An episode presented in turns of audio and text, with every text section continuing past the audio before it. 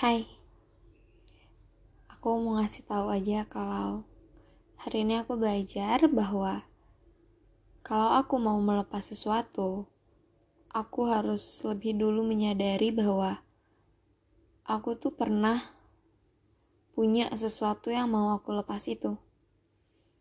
Aku harus menerima kenyataan itu. Karena Gimana aku mau ngelepas sesuatu yang aku sendiri nggak pernah tahu kalau itu tuh nyata. Aku mau ngelepas sesuatu tapi aku nggak pernah tahu kalau sesuatu yang ingin aku lepas itu nyata dan pernah aku miliki. Karena apa yang harus kita lepaskan dan ikhlaskan kalau nggak ada yang pernah kita miliki atau seenggaknya kita sadar dan akui gitu keberadaannya. Nah, dari pemikiran itu, aku jadi mikir.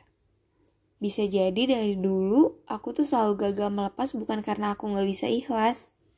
Tapi karena aku emang gak pernah mengakui dan menyadari kalau aku tuh pernah punya hal tersebut. Aku kayak dibuat bingung sama diri sendiri.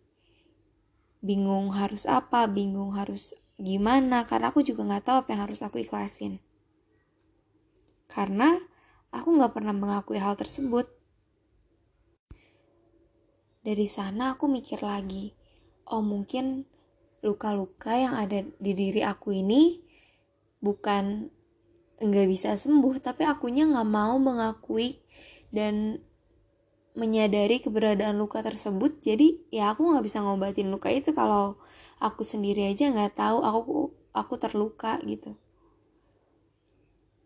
mungkin bisa memperparah karena aku nggak sadar.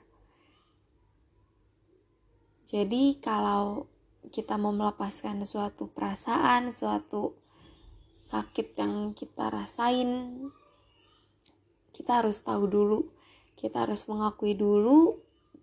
Dari situ baru kita memulai untuk melepas.